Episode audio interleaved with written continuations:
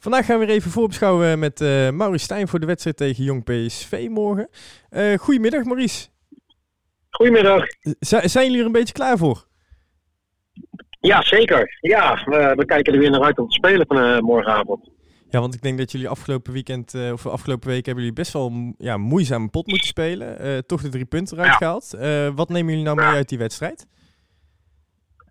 Nou ja, dat het voetballen gewoon beter moet dan wat we tot nu toe hebben laten zien. En uh, bij Vlagen uh, was het aardig, uh, bijvoorbeeld tegen Den Bosch. Ehm, was het aardig tegen Jong AZ. Maar ik, ik, ja, ik vond, tegen Utrecht vond ik het heel matig. gelukkig win je wel. Dus we hebben de, de, de, de volledige score nog. Dus dat moet de ploeg ook vertrouwen geven.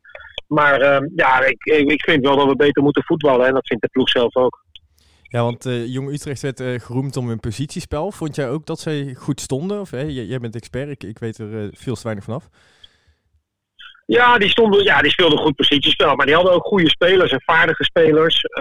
maar ja, weet je, ik vind dat we gewoon te, te, weinig daar hebben gebracht. En kijk, zij kregen van ons ook alle ruimte om hun positiespel te spelen. En kijk, iedereen heeft tot, zijn mond vol over hoog en snel druk zetten. Maar ja, dat, dat kan in mijn optiek eigenlijk alleen maar als je zelf ook veelvuldig de bal hebt. En als je hem binnen één of twee passes kwijt bent, ja, dan loop je als ploeg alleen maar achter de feiten aan. En dat hebben we afgelopen maandag gedaan. En uh, ja, gelukkig wonnen we, maar uh, ja, dat had ook zomaar anders kunnen zijn. Ja, want uh, er waren ook geluiden van, van, van de jongens zelf, zeg maar, dat ze zelf ook het gevoel hadden dat ze niet lekker in de wedstrijd zaten vanaf het begin. Nee, ja, goed. Eh, ik heb gelukkig een volwassen groep die ook zelf kritisch is. En uh, dat is heel prettig. Want op het moment dat ik dat anders zie dan zij. En ik vind dat ze slecht spelen en zij vinden zelf dat ze goed spelen. Dan, uh, dan heb je toch een ander probleem. Maar dat is het niet. En iedereen weet het.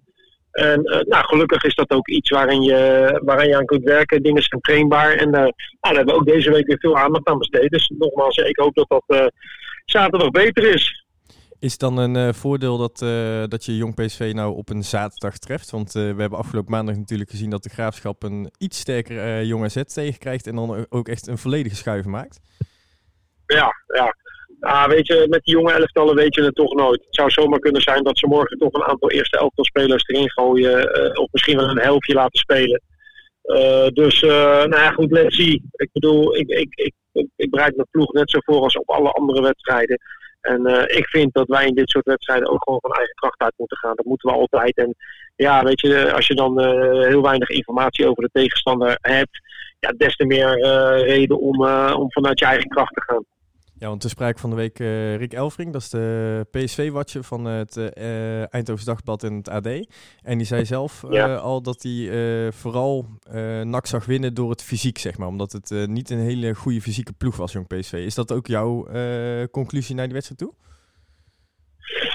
Nou ja, goed, dat fysiek, dat, dat, dat, gaat alleen maar op uh, als je in de duels kunt komen. En, uh, en, ja, dat doe je door vooral ook, ook, ook, minimaal gelijkwaardig te voetballen als je tegenstander. Kijk, ik kan mijn ploeg niet verwijten dat ze niet hard gewerkt hebben of dat ze, dat ze met de petten naar gooien. Ik vind ook dat we, uh, dat we in een aantal facetten, wat ik, wat ik vind ook wat bij NAC hoort, hè, strijdbaar, eh, ten koste van alles willen winnen. Hè. Eh, van de week ook twee spelers gehad die eh, eigenlijk door wilden, maar niet door konden met Immers en Schouten. Dus dat zit allemaal wel goed. Alleen ja, nu, moet je, nu moet het voetballende gedeelte gewoon beter worden. En dat kan, want ik ben ervan overtuigd dat wij ja, onszelf tekort doen in, in dat gedeelte. Ja, want je zegt het zelf al, Robin Schouten en Lex Immers vielen uit. Valt dan een heel stuk van je spelplan in duigen? Nou ja, dat is natuurlijk ook, dat speelt ook niet mee. Hè. Eh, Lex is natuurlijk ook een belangrijke speler. Ook uh, bijvoorbeeld op het moment dat je, dat je heel snel onder druk gezet wordt of je bent uh, heel snel de bal kwijt. Ja, dan weet je dat je met Lex in de ploeg heb je iemand die altijd de bal bij zich houdt, die rustig is aan de bal, die ervaren is. Nou ja, die viel heel snel uit. Nou, ik denk dat Robin Schouten een van onze uitblinkers is geweest de laatste weken. heel veel aanvallen over die rechterkant zijn gekomen ja, die valt ook uit. Maar goed, ja, daar heb je nou eenmaal mee te maken. En uh, ja, dat moet je dan oplossen. Nou ja, ik denk dat we dat uh, op zich dat we ook de wissels dat die, dat die helder waren. We hebben in de rust ook het systeem opgegooid, waardoor ik vond dat in de tweede helft eigenlijk niet meer in de problemen zijn gekomen. Maar ja, ook dat, ja, ook die dingen gebeuren. Ja, daar moet je ook doorheen vechten als ploeg. Ja, want uh, doordat Schuit uh, uitviel, uh, ging Moreno Rutte naar de rechterkant. ik vond persoonlijk Moreno Rutte in één keer echt een stuk beter overkomen op die rechtervleugel. ja, maar goed, dat is eigenlijk van nature ook zijn positie. En, maar goed, hij kan ook links op de vleugel spelen. En ja, weet je, ik vond dat Robin Schout het gewoon uitstekend heeft gedaan in de, in de voorbereidingen in die eerste wedstrijden. Dus er om, uh, om Robin van die positie af te halen. Nou, nu is het noodgedwongen en heeft Moreno uh, dat goed ingevuld. En, uh, maar ik moet ook zeggen dat Massart het goed heeft ingevuld als invaller. Dus wat dat betreft was ik over die twee posities wel tevreden. Ja, want Erik Hellemons die is altijd nog steeds lyrisch over Massart voor de toekomst. Die zegt over twee jaar dan is hij niet meer weg te denken uit, uit het NAC-elftal. ben je daar ook zo over te spreken over Massart? Nou ja, ik denk dat Massart wel een aantal dingen moet verbeteren om, uh, om een vaste waarde te worden. Want uh, anders had ik hem al uh, veel eerder opgesteld. Ja, nee, maar Erik Helmons, Erik Helmons zegt zelf ook dat hij nu nog niet klaar voor is. Maar dat hij wel ziet dat als nee. hij zich zo blijft ontwikkelen in de toekomst wel. Nou ja, de, de linksback is natuurlijk ook altijd over het algemeen veel vraag naar. En hij heeft het van de week heel goed ingevuld, vind ik, die, die wedstrijd dat hij inviel. En ja, morgen gaat hij ook starten. Dus ja, dat zijn momenten voor hem om, uh, om te laten zien hoe ver hij is. Dus uh, kan ik daaruit concluderen dat uh, je nog even voorzichtig doet met Robin Schouten? Ja. ja.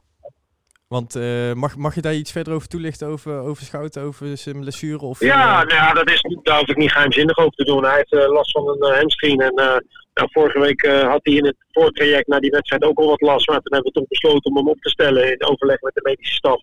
En ook in overleg met hem. Nou, hij heeft er toch wat last van gekregen. En uh, nou ja, de, de, competitie is nog lang. Het is nog 34 wedstrijden. Dus we gaan daar geen risico mee lopen. En uh, daar komt ook bij dat je met Moreno en met Massart uh, prima vervangers hebt. Dus, dus we hebben, houden hem morgen uit de wedstrijdselectie. En hopen dat hij ja, vanaf volgende week weer beschikbaar is. Nou, aderlating moet ik zeggen. Maar um, je hebt natuurlijk... Ja, vind ik ook.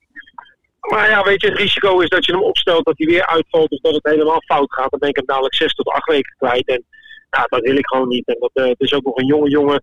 Hè? En uh, je kijkt ook altijd naar uh, hoe sta je ervoor in de competitie. Is het, is het pas wedstrijd 5? Kijk, is het wedstrijd 36 en je speelt om het kampioenschap, dan neem je misschien iets meer risico dan nu in het begin van, de, van het seizoen.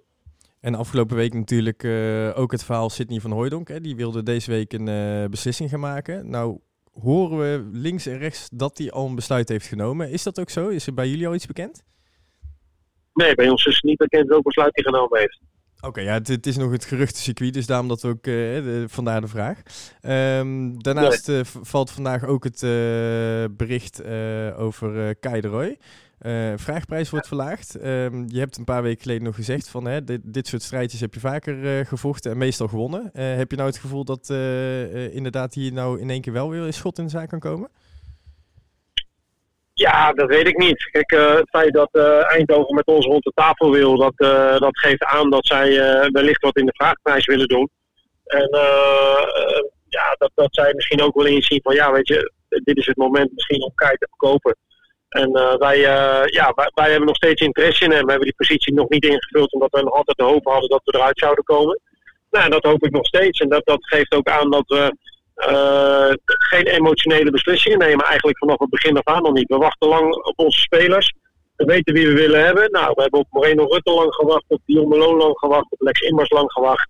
Nou, dat doen we ook op Roy. Nou ja, ik hoop dat het al lukt. Nou, lukt het niet, dan schakelen we naar een ander door. Maar wij hebben wel heel duidelijk een beeld van nou ja, hoe we de, de ploeg nu willen versterken.